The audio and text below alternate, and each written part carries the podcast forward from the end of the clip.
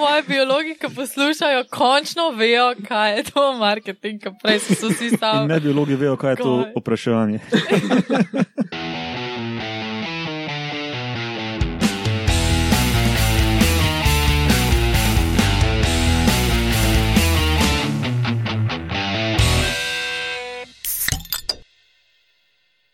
Lep pozdrav, poslušate 21. oddajo podcasta Metamorfoza, kjer vam ob lahkotnem pogovoru o pivu predstavimo biologijo organizmov, običajno skozi tri rubrike: novice ali ste vedeli in vaški posebneži. Jaz sem Matjaš Gregorič, arahnolog in evolucijski biolog. Danes smo na standardni lokaciji v hramu Rozman, kjer se uh, namakajo vitaminski napitki za odrasle in marsikaj dobrega skuha. Ne, zdravo, Alenka, pa Laura. Živijo. Živijo, Matjaš? Živja. Zdravo, živa.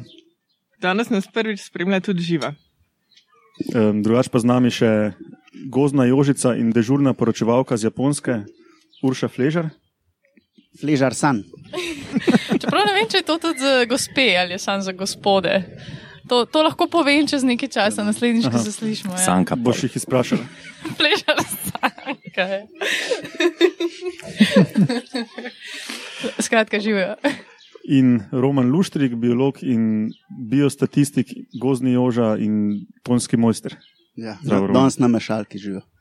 Matjaža najdete na Twitterju, Ja, Afna Matjaž Gregoric, mene tudi, Afna Romunov, ostali uh, Twitter ne marajo, So reč zvesti Facebooku. Facebook pa MySpace, mogoče še kdo.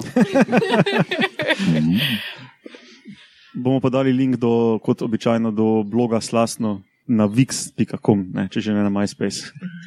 Kaj, Kot običajno, kot že prejšnjič ali Kot že prejšnji, če ali dvakrat mogoče. Ne. dvakrat. Ja, drugač pa podcast gostuje na medijski mreži Metina Lista na portalu Meta Znanost. Zahvaljujemo se že za nazaj in naprej vsem poslušalcem za poslušanje, komentiranje, kritike, dobro namerne komentarje, slabo namerne komentarje in tako dalje. ne. Uh, s- Če ja. ja. sorry, te prekinem, smo dobili tudi uh, nekaj fajn komentarjev od naših poslušalcev. Ja, no. Uh, Lepe pohvale smo dobili od uh, poslušalke Urše, pa Urške, ne vem kako je prav. Ki je tudi svoha, ne, koliko vem. Ja, ta je čisto. No, drugač pa mi je na Twitterju uh, pisal petek, se pravi, to je dva dni nazaj. Um, en ne biolog, on je, mislim, da profesor matematike, futbal fan, in je rekel, da je za nazaj poslušal in da je top. Da to me sploh veseli, če pohvali kdo, ko ni svoha. Ne? No, super. Se pravi, da je raz, razumel vse. No, in ob tem lahko pozovemo poslušalce, da, da smo veseli dobro namernih kritik, ali kot pohvale, ali v obliki um, kritik izboljšavam. Če nam pa pošljete hate mail, se bomo pa sam ful dobro zabavali. Tudi to je dobrodošlo. No, bomo vsaj kakšno hec iz njega naredili. ne. Um, še bolj bomo pa veseli uh, um, naturalijskih ali pa kakšnih drugačnih Ja, oblik, res, uh, uh, prispevkov. ne. Dobili smo prvo donacijo, spravi podcast je dobil prvo donacijo v Naturalijah Uhu. in to je bila klobasa, ki jo je doniral uh, sicer tudi biolog Žan Kuralt Ja, je pa domač proizvodba. Je. in smo jo že zmazali prejšnjič pred nekaj dnevi. Naslednjič se pa priporočamo še za kakšno solatko ali pa sir. In uh, klobasa je bila odlična. Um, ja, tako da, um, če vam je res všeč to, kar počnemo in bi nas radi podprli, da bomo lahko Tudi če vam to- ni res všeč, tudi če vam je samo tako malo všeč. No, tudi če vam je samo malo všeč in bi radi, da to počnemo še dolgo, nas lahko tudi podprete z gumbom Doniraj na spletni strani Metine liste. Uh, ja, to sicer snemamo danes. Kot vedno danes. Um, na 510. obletnico Kolumbove smrti, ja, 1506. je umrl. In če gremo še bolj času nazaj, pred 2443 leti, se pravi 427 let pred našim štetjem, se je rodil Platon. Kako pa imaš lahko tako natančno letnico? Nekdo je na prste šuštet nazaj dneve. Ja, ne? S prestopnimi leti vred. Ja, ja sej, to se da. Pač spustiš en prst. Nič, pa začnimo z novicami. Ne?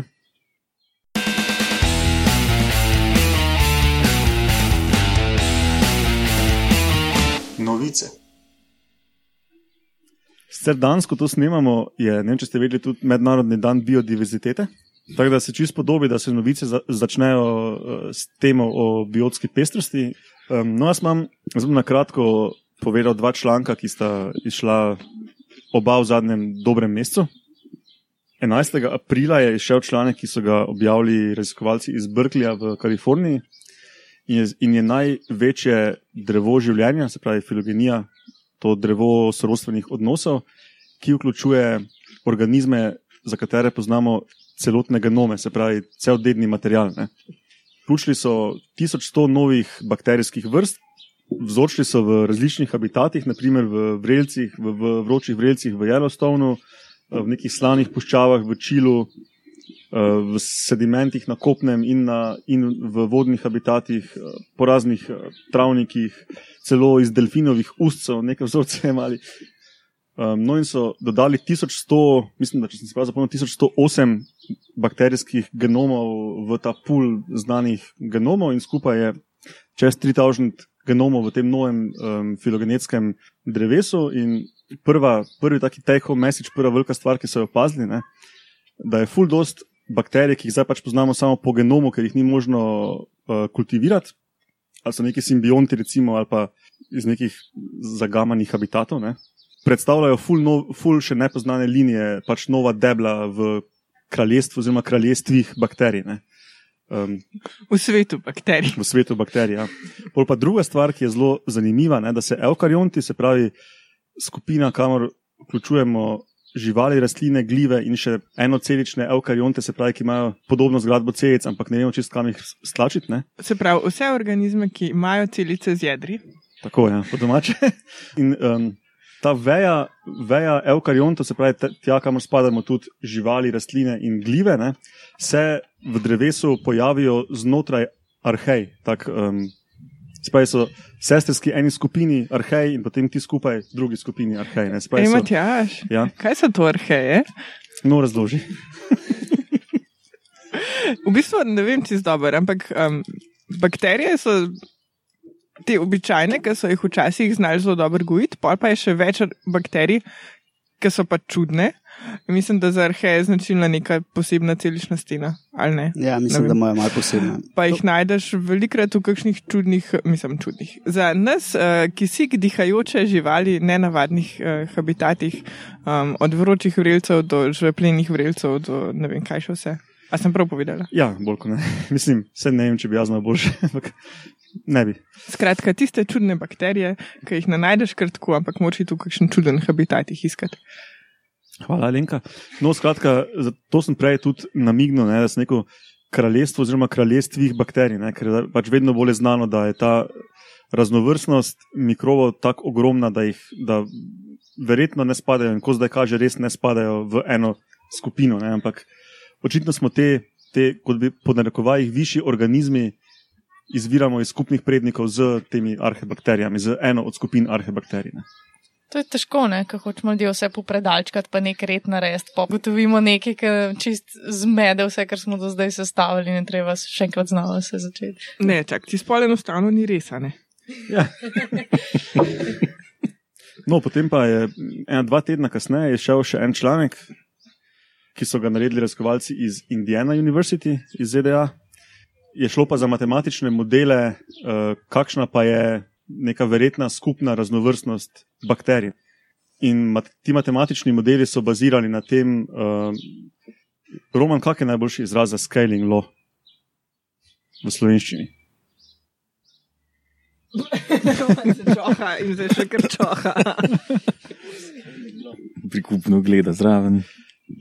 Mogoče kako se sorazmerno nekaj povečuje ali pa zmanjšuje. Ja, Razvrščevalni ja. zakon. Ne, ne, ne, to je, ne, ne, ja. to je e, kar napoveduješ, do kam bo nekaj šlo, oziroma kako hitro ja, pač se nekaj iz, povečuje. Iz znanih podatkov napoveš. Uh, Ti modeli so bazirani na tem, da recimo poznaš neko raznovrstnost iz mnogih habitatov, z mnogimi lastnostmi, kot so pač neka vsebnost hranil, pa kompeticija, uh, Eh, kompleksnost in take reči, poznaš raznovrstnost v teh habitatih in potem probaš napovedati, če bi povzročil vse takšne habitate, koliko bi bila skupna raznovrstnost. Ne? In to je meni, zelo dobro poznano, te formule, ti scaling loji, ne? so zelo dobro poznani za živali in rastline, probali so pa jih še za mikrobe dobiti in so pogruntali, da so v bistvu zelo podobni. Um, in če verjamemo temu, da, so, da je ta scaling law zelo podoben, kar, so pač, kar pač sklepajo iz svojih podatkov, potem to kaže, na, da je prava pestrost bakterij med, med 100 tisoč milijonov in milijoni milijonov vrst, oziroma pravi- pač nekih tipov. Ne. Ja, recimo v živalskem ali pa rastlinskem svetu se pestrost lahko tako ocenjuje, da vzorčaš neko enoto, pa prešteješ, koliko je tam vrst. Pol pa malo večji enoto povzorčaš, pa vidiš, koliko si jih še dodal, tistim, ki že znaš. Pa še malo večji poveča, še povečaš, pa spet pogledaš, pa kaj, kje nove vrste si dobil. Ne? In tako spremljaš tisto krivuljo uh, dodajanja teh vrst in lahko recimo oceniš, do kam bi to pr, pr, asimptotično prišlo. Ne? Ampak seveda to je zelo ocena. Ne? Ampak to je znotraj enega habitata ali že med Ne, različnimi? ne, ne, to, To je da, splošno. da, da, da to postane pravilo, ne, je, je splošno. In potem tem modelom dodajajo še ful nekih drugih parametrov. O habitatu, o kompeticiji, o hranilih, o vse sorte reči. Ne. Kako je pa ocenjena raznovrstnost, recimo, um, rečemo, živali? Ker smo rekli, da je bakterij milijon milijonov. Ocene se valjda ful razlikujejo. Zadnji članek iz 2013. Takrat so ocenili na 5 plus minus 3 milijone eukariontov, se pravi živali, gljive, rastline, spet vse to, ne, kar smo prej omenili. Iz 2011 je bila ena ocena 8,7 milijonov teh eukariontov, od tega 7,7 milijonov živali. Mislim, da če se prav spomnim, 600 tisoč rastlin, nisem zihar. Zelo malo gljiv, čeprav so verjetno podcenjene precej. Ne. Ja, gljive so mikrobi, tako da ne.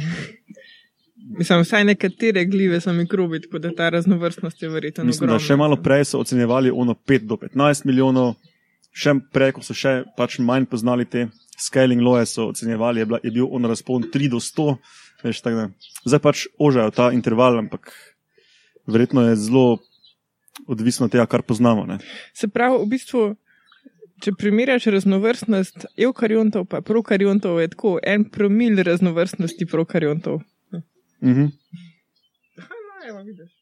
Ne? Imamo od 10 do 30 milijonov insektov, od 5 do 10 Aha, milijonov bakterij. googlal. S tem, da to je verjetno pač napačna informacija, ampak 1,5 milijona uh, gob, oziroma uh, gljiv, približen milijon pršic, jih- to je verjetno, pa, mislijo, kakšne pajke, ne, pajkovce, milijon protistov. Ja, no, ja, No, okay. to v- tako v grobem. Ne? Mhm. In bacilov. In bacilo. Uh, no, potem pa še tak za um, peškotek za poslušalce. Ne? To, ko smo se že zadnjič, ko smo um, Žanovo donacijo klobasa stojedli, ko smo, ko smo se pogovarjali, koliko je uh, bakterij, koliko jih živi na nas. Evo sem si zapisal. Najprej koliko je celic. Dolgo je bilo znano, kao, tako, oziroma je krožno, ne, da uh, po številu mikrobne celice prekoračijo naše telesne celice 10 proti 1. Ampak je to neka taka urbana legenda in zdaj je pač je ocene števila celic so nekako tak, da je približno 40 trilijonov bakterijskih celic na nas, telesnih celic je pa približno 30 trilijonov. Um, Ampak bakter, so uštete tudi tune bakterije, ki so v nas ali samo te, ki so na nas. Ja, mislim, da v celem habitatu telesnem, Aha, človeškem, okej. človeško telo. Prav, kot not pa vzun, Ja, ja, pač vse posod na nas. Ja. Na koži pa bi naj živelo, vsaj koliko sem jaz našel zadnji podatek, 10 tisoč vrst oziroma nekih tipov mikrobov. Ne. Čeprav se spomnim tako, da sem še prej, še na faksu tu slišal nekaj 30 tisoč, pa to, pa zdaj bog si ga vedi, kaj je prava številka. Ja, eh, ker smo glih govorili, da je danes dan biodiverzitete oziroma biološke raznovrstnosti, ali kako se to po slovensko reče, pa nismo nič povedali, kaj to sploh je. Biotska raznovrstnost ima pač eno tako splošno definicijo, da je to raznolikost vseh organizmov, genov in ekosistemov, se pravi organizmov kot vrst. Ne. Imaš te tri nivoje.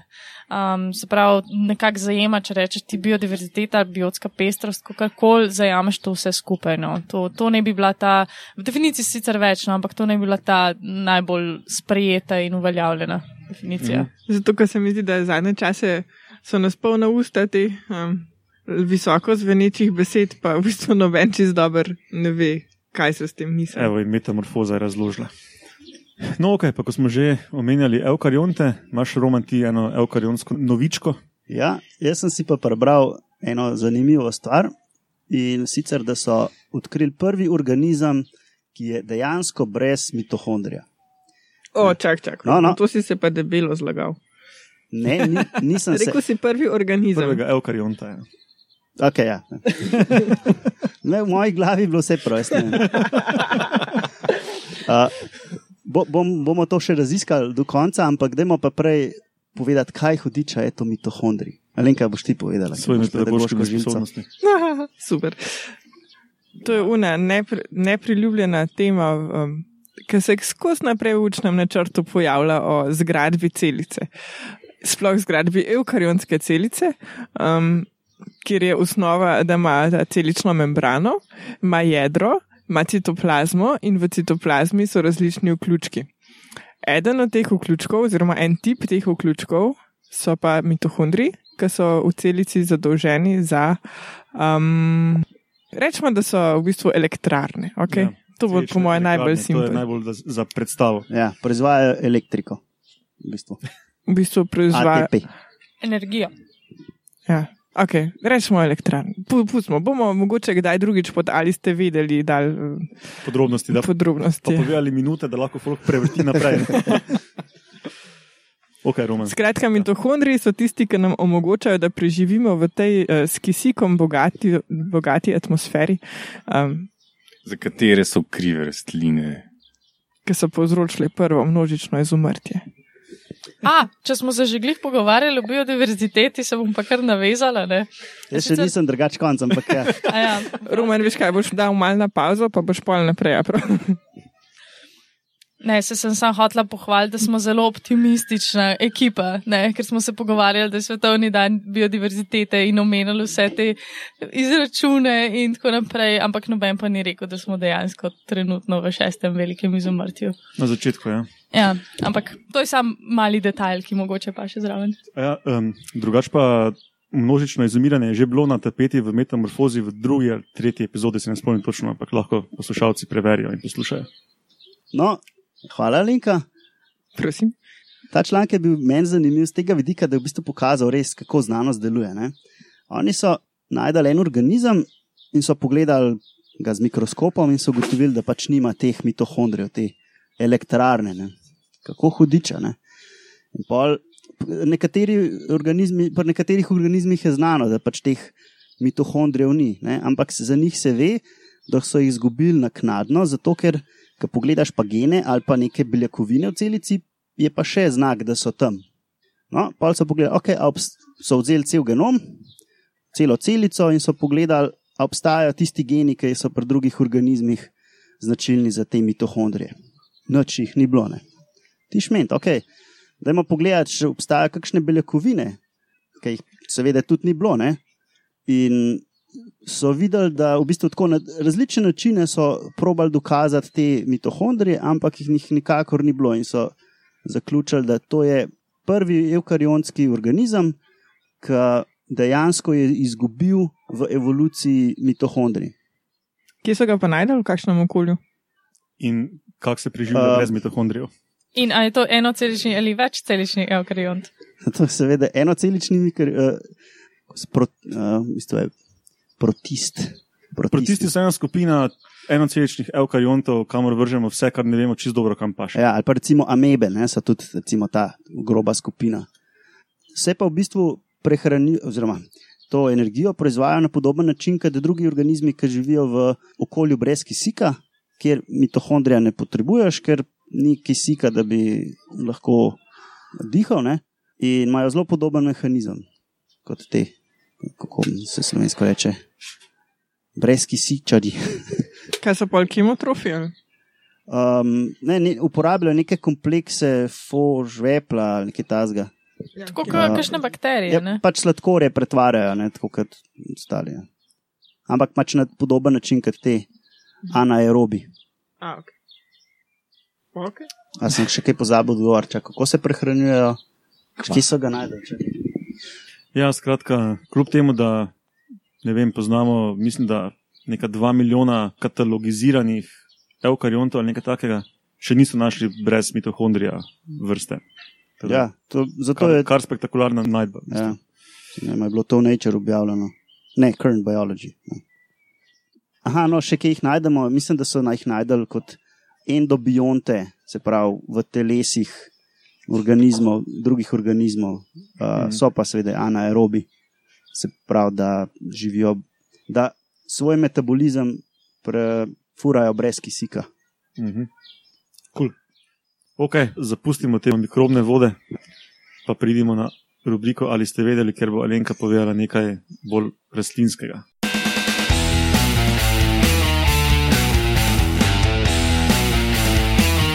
Ali ste vedeli? A kul, živa mi boš zdaj pomagala. No, ti povej. Kaj vanjščico utrgaš cvetek, pa jo si nekaj časa drgneš po licu ali pa kjerkoli hočeš, da, da imaš rumeno in od cvetnega prahu pride ta um, rumena barva. Bravo, A živa. boš povedala še kaj o prešilnih klobasah? Ja. No, dej. Tisto, kar se praši iz tistih klobas, iz tiste breze, tisto, kar se praši, um, je cvetni prah. Super. In zaradi tega pa eni kihajo. Ne? Ja. In zato eni imajo energijo na prah. Mhm. Pridno. No, evo, živa je že vse povedala, kar sem mislila jaz. Hvala, živa. Ne, hotela sem danes povedati, danes mi je Matjaž dal prost jezik, da govorim, kot hočemo o rastlinah. Ho, ho, ho, ho. In sicer sem si izbrala vprašanje, kaj je pri rastlinah zanimivo, pri kopenskih, zdaj govorimo. Kopenske rastline imajo en zanimiv problem. Ponavadi se hočejo oprašiti z drugim osebkom, ki je dlje stran, kot je dolžina penisa. Rastlinskega. Ja, no, pač to je taka modrost, a ne? če je ljubezen nadaljava možna. Seveda je, če je daljava krajša od dolžine penisa. Ja, in pač, Definicija ponovno to. No. ker si rastline ne morejo obuti čevljev in se sprehoditi do naslednjega osebka, ima, rešijo problem drugače. Ja, je to kar um, zanimivo. Ja, sprav, najbolj um, nadležne so te vetrocvetke, ki tako kot vodne rastline izkoriščajo vodo, da pač nosi njihove spolne celice, pa kopenske rastline tudi izkoriščajo zrak kot medij za prenos spolnih celic. In pa smo mi na to alergični. V bistvu na spermo rastlinsko smo alergični. No, ja, v bistvu ja. V bistvu ni sperma, ampak so spolne celice, ne? ker sperma je še vse ostalo. V bistvu je cel gametofit. To bomo tudi mogoče kdaj drugič, ali ste vedeli. Se pravi, v bistvu oni, um, re, oni kot rastline imajo cel razmnoževalni cikl, kjer je v bistvu diploidna oblika. Uh, okay. Alenka, kaj je to diploid? uh, je pač ta velika rastlina, kot jo vidimo, razen pri mohovih, oni so čudni. Pa pa nastane gametofit, ki je pa razmnoževalna oblika, ki je pa v bistvu tudi cel samostojen svoj organizem. Zelo me že debel gleda. Ne, ne. ki se pol širi po zraku, kot uh, pač en del je cvetni prah oziroma pelot, ne, ki je sestavljen iz dveh oziroma treh celic, uh, en del je pa v semenski zasnovi oziroma cela semenska zasnova, tudi en gametofit, ki je sestavljen iz večjih celic, ampak samo ena izmed njih se oplodi, ostale pa včasih tvorijo to um, založno tkivo ali pa tudi ne, pač rastline so čudne. Se, what? Smo že izgubili polovico od 13 poslušalcev. To je tako, kar rečeš, Alenki, zdaj pa sama sestavlja prispevek. To je tako ono, ko sem roman, ven breza pri, pri 13 morskih minutah. No, druge ljudem prijaznejše rastline um, so pa imele nekaj koevolucije z um, žuželkami, Kaj, in, kaj je to, kao evolucija? da bo Matjaš razložil. Da so spremembe v evoluciji rastlin in žuželk potekale z roko v roki, tako rekoč, pač kot odziv ena na drugo. No, in so rastline pogruntale, da če dajo žuželkam na voljo neko vabo, potem te žuželke plezajo po njihovih cvetovih iz cveta na cvet in tako prenašajo pol cvetni prah. Ki ga morajo pol te rastline bistveno manj tvoriti ne, in ne frči kar tako po zraku, in verjetnost, da bo pristala na eh, drugi, drugem cvetu iste vrste, je se s tem zelo poveča. Ja, no, in hotela sem pa še povedati, ne, da sem se pač eh, šla sem raziskati, kaj je to marketing. Pač to je kako se biolog loti te teme, ne, groza. In pa sem ugotovila, da pač masovni marketing to je tako, kot vetrocvetke, pa večina ljudi je na to alergičnih, a ne, pač krtko malo. Pač pogor za dane, za dane, kakšni celo reagirajo na to. Odlična primerjava. to je dobra mislim. analogija, ja. To, to zdaj pa po mojem biologi, ki poslušajo, končno vejo, kaj je to marketing, ker prej so se vsi stavili. ne biologi vejo, kaj je to opraševanje.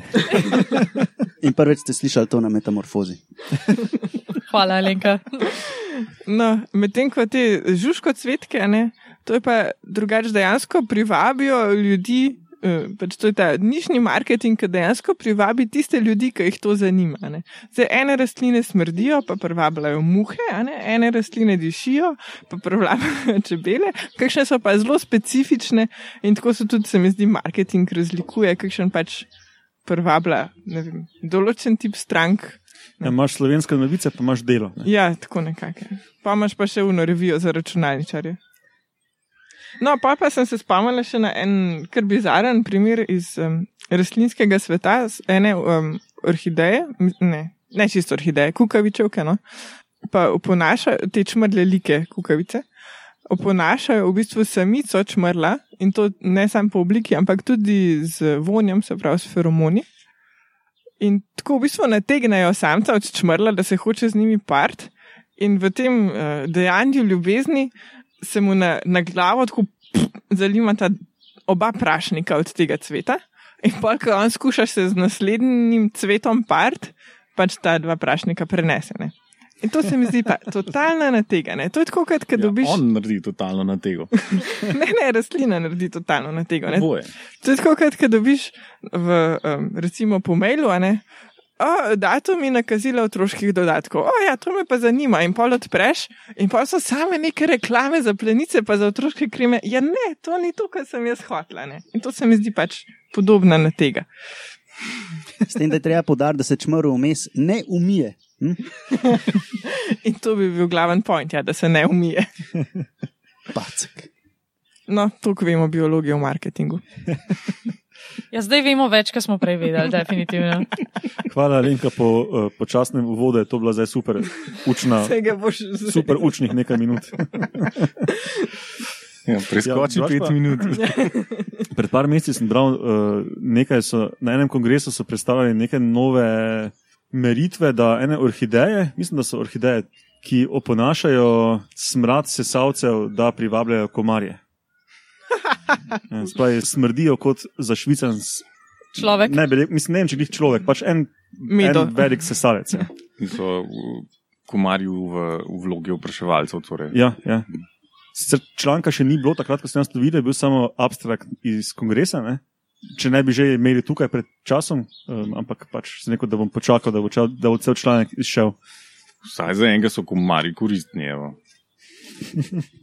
Ja, drugače pa enkrat bi v enem dokumentarcu sem videl, da je ena roža, ki plazno smrdi.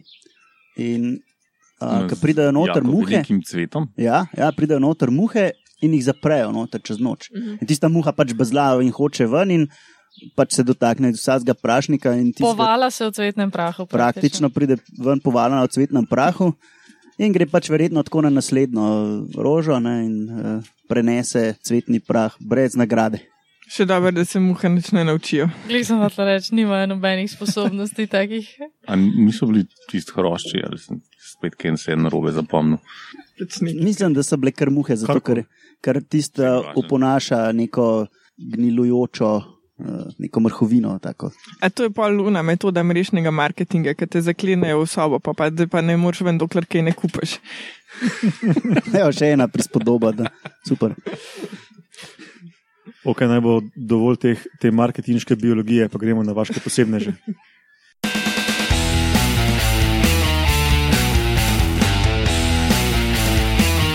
Vaški posebneži.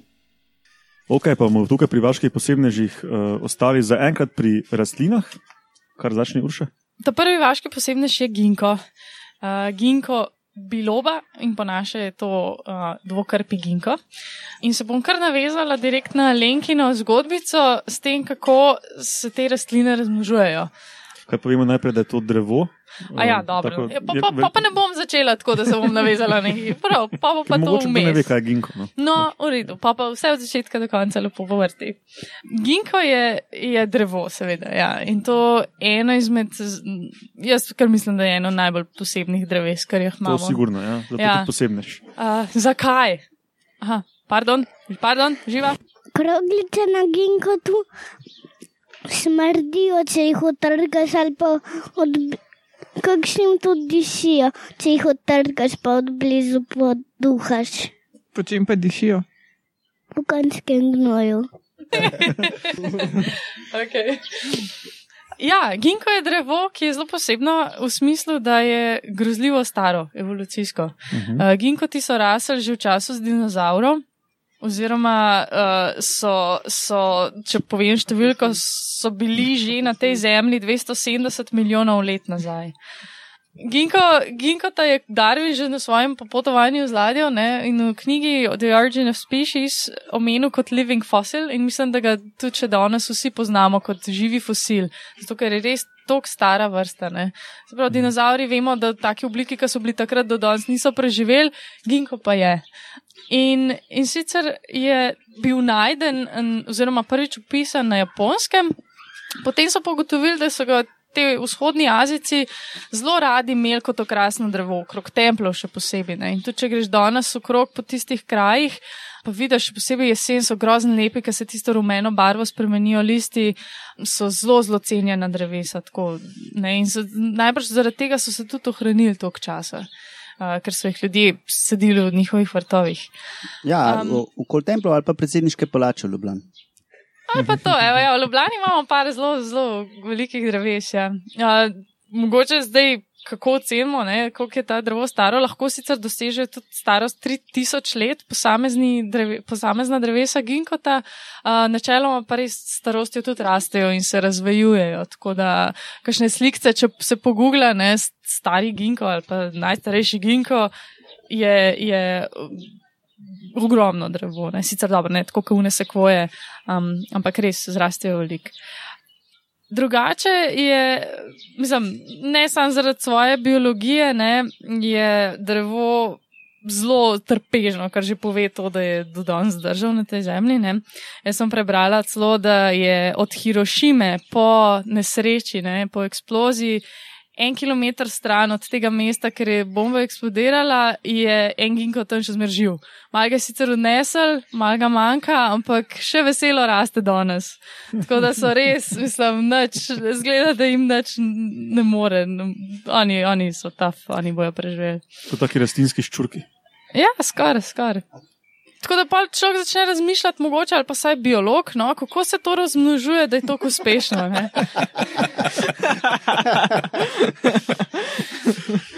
Človek ali pa predvsem biolog. Ja, ok. pa če se navežem na Lenko, ki je prej govorila o svojih rastlincah, ne? Tudi ginki so, ginko je tako drevo, da sta moški in ženska na različnih drevesih. In celo lahko v nekih trenutkih drevo, ki je bil prej moški, spremeni spol in postane ženska, ne, in obratno. Ampak uh, fora je to, da so, v bistvu so oni nek link, neka umestna uh, veja med. Kako? Člen, umestni člen med uh, praprotmi in med iglavci. Ne? In njihov način razmnoževanja je tak, da, da so spermi še vedno mobilni, se pravi, da plavajo in rabijo vodo, da pridejo do tiste ženske spolne celice. Načeloma so tudi v pelodu, ne? se pravi, moško drevo ginko proizvaja pelot, v katerih so te celice, um, in potem imajo pa ženska drevesa tako prilagojeno, da ujamejo ta pelot leteč, da na, na vrh uh, tistih svojih, to mi bo mogoče Lenka pomagala, kako se reče tistem. No, skratka, uh, ženska drevesa proizvedejo. Plodni, lu- plodna luska. No, tako, ja. Na vrh tega proizvedejo kapelco, zato da imajo definitivno nek medij vodni te moške spolne celice, ki tja preletijo, da lahko splavajo potem do tiste celice, eh, ženske spolne celice. Potem pa iz tega se razvijajo zelo zanimivi plodovi, po katerih ima ginko tudi ime. In to so take, kaj ne češnice, oziroma po kitajsko, ginko pomeni eh, srebrna marelica. Silver apricot, no, to sem slišala. In plodovi, se pravi, tako kakšne češnje so, no, kar je pa živa že povedala, a pa izredno smrdijo. Meni se zdi zanimivo, no, ker to je zdaj ena osebna anekdota, ampak eh, tam, če poznate, ki je rimski zid, primerjo, pa so tiste piramide, zdaj pa FKKT, ne. Skratka, ni važno. Tam je en, ena, eno žensko ginko drevo, se pravi, to- je drevo, ki proizvaja plodove. In jaz vedno, ko sem tam en hodila, takrat še nisem vedela, da je tam sploh kakšno ginko drevo, ampak vedno, ko sem tam en hodila, se mi je zdelo, da folk tja prihaja vedno pit in scat in kozlat in ne vem kaj, ker vedno grozen smrdel. Točno tam na istem mestu, v tistem podhodku pod piramido. Pa se ne velja tako, da se bi naj, če se ginko za okras sedi na nekih javnih površinah, da se sedi moško Moške. drevo, da očitno je nekdo zasral. Ne? Ja, ali pa se je to zgodilo. Dobesedno. Ali pa se je zgodilo to, ne, da je res zamenjal spod drevo in kaj češ, pa pa nimaš kaj narediti. Baje se težko vidne v mladosti, ker, je, Možno, ja. ker ga spole. Ja, se zato lahko naročiš gensko analizo. Uh, še, ja, sploh pred 50 leti, ko so to posadili. ne, ne, takrat, zdaj ne, če, če sediš to zadevo, lahko naročiš kao moško drevo. Jaz imam tudi še eno anekdoto z ginkoti. Sorry, da te prekinjam. Uh, se pravi, danes je že tako, da če ginka sediš, lahko naročiš gensko analizo in si ziger, da si posadil pravo. To smo v prvem letniku slišali, pri Aha. dermasti. ne, Da ne bi spal zgleda. No, No, jaz imam še eno um, anekdoto z ginkoti. Uh, Ker smo bile z jasno na Dunaju, na tečaju elektronske mikroskopije, sva se sprehajali do univerze po um, drevoredu ginkov. In to glih ob času, ko so zreli plodovi padali na tla. In jeseni. to jeseni. In to glih tam, kjer so avti parkirali na teh ginkotih. To so bile res prijetne vonjave. Zakaj pa tako smrdi? Itak ne. Sej, tako kot je Roman že zuno rožo povedal, predvidevajo tisti, ki raziskujejo ginkote, da so v času dinozaurov bili raznašalci semen taki dinozauri, ki so bili v bistvu mrhovinari. Ne? In ker to načeloma ta, te plodovi, ta, te sadeži ginkota tako smrdijo, ne bi to privabljali kot von po gnijočem mesu tiste mrhovinarje, oni bi jih lepo pojedali, peške so zelo trdovratne, neka pistacije in potem seveda dinozaver gre na svojo smer, se tam pokaka iztrebi in, in lepo raznosi semene. Pol s časoma, ko dinozavrov ni bilo več, predvidevajo, da so, bili, so se tudi raznašalci semen zamenjali, da so bili potem to kakšni, kakšni primitivni karnivori, kakšne kunam podobne zadeve ali pa ptice. Danes pa pravijo, da so glavni raznašalci vevrce. Tega si pa jaz ne znam razložiti. No. Kako da bi vevrce privabljal tako on, ampak ok. To je ful primer za starega marketinga, ne? ker če ti kdo hoče pisalni stroj prodati. Aj to to? Um, se hodila sem še eno zanimivost. No. Da, uporaba ginkota danes, vsi vemo, da zna biti uporaben in koristen za vse žive, žive zdravstvene zadeve, ampak imajo pa tudi uh, sumoti, se pravi uh, bojevniki, sumo bojevniki. En izmed njihovih frizur se, se jim reče oičo oziroma big ginko hairstyle uh, in si naredijo lase v obliki ginkovega lista. To je to. A je to? Aha, Ja, zato pa izgleda i. dvokrpati, dvokrpati lasi, No, dvokrpate frizure. ja. Jaz sem mislil, da ima negativ driti. No, še ena zanimiva stvar. Ginko se napiše G-I-N-K-G-O, z G-jem. Ja? In boje ne bi do tega prišlo tako, da ne bi nekdo prepisoval ta imena in je na mestu YG naredil. In pač, ker se je to pol nekako prijel, ne moreš več spremeniti imena.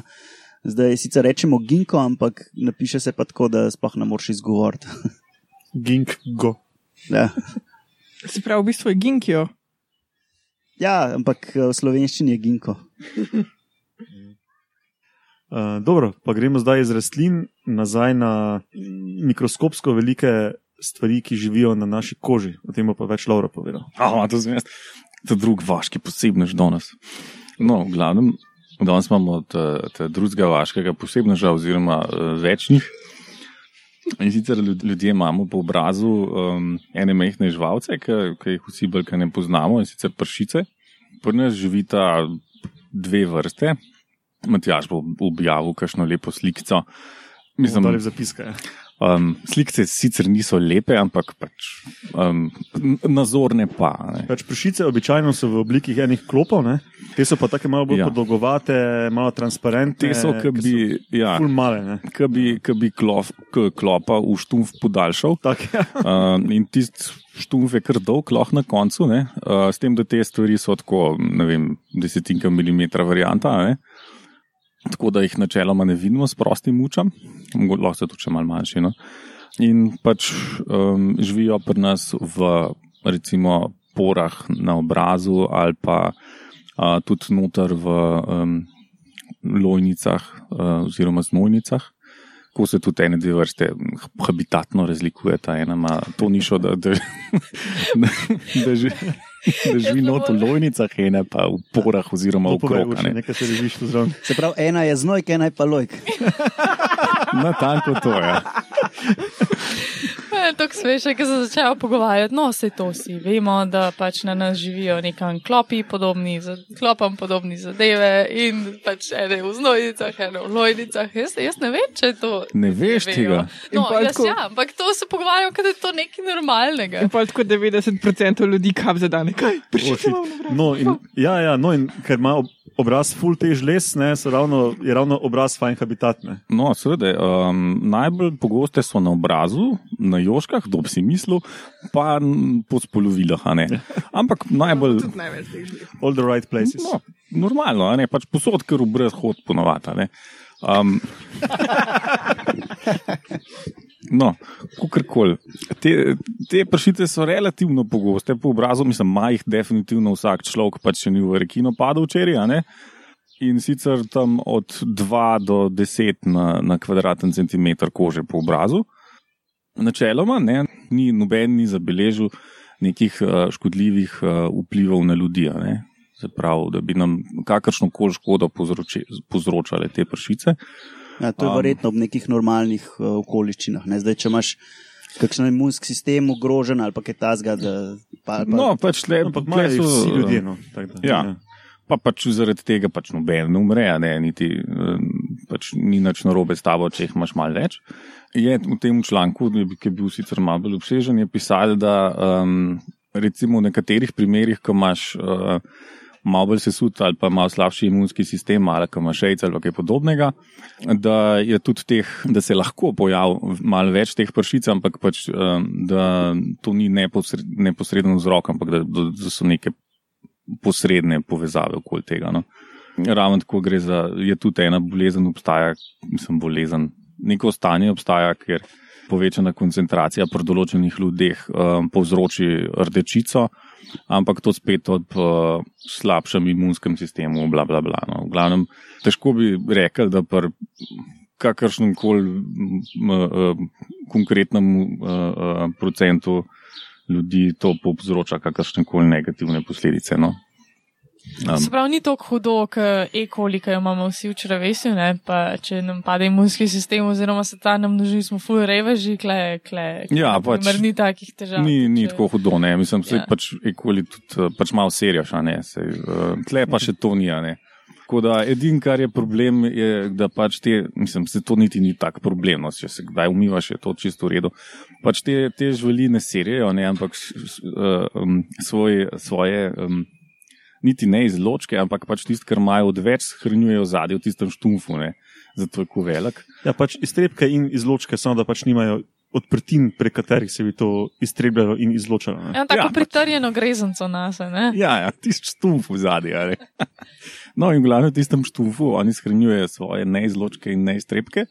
In pol pač, ko, ko umrejo, a ne niso blazno živi, pač tisti s časoma pač se, nekako razkroji in pač vse tiste bakterije, ki so še noter in vse tiste, tista nesnaga pač se ti razlije po koži in pač načeloma ni to nič problematično, če se kaj umivaš, kdaj ne.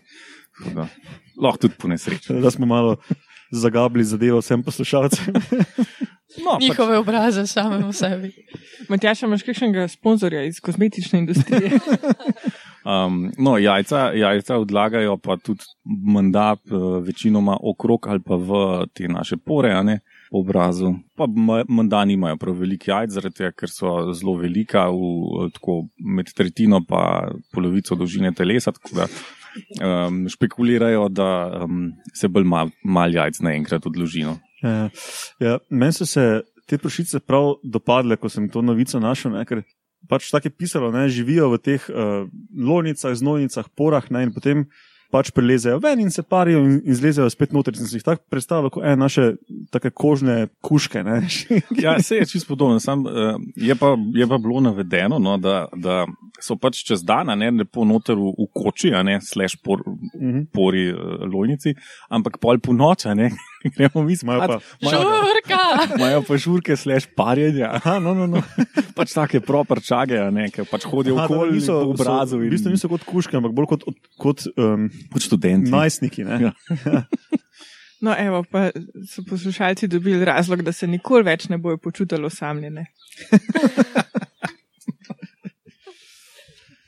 No, zato je bilo to. no. Kaj se vse dogaja na naših obrazih, pa niti ne vemo. Totalen razvrat. Dobro, pa naj to sklene to 21. oddajo Metamorfoza. Ne. Hvala vsem poslušalcem za poslušanje. Veseli bomo, če boste to delili po svojih socialnih kanalih in omrežjih. Že vnaprej hvala za razne komentarje. Mislim, da sem prej pozabil omeniti mail, ki je metamorfoza.afnametinalista.si. Na metini listi imate še druge podcaste, ki so super in jih poslušajte, boste kaj novega zvedeli. Hvala vam štirim za sodelovanje, pa do slišanja prihodnične. Ajde. Pa, pa. Čau! Pa, pa.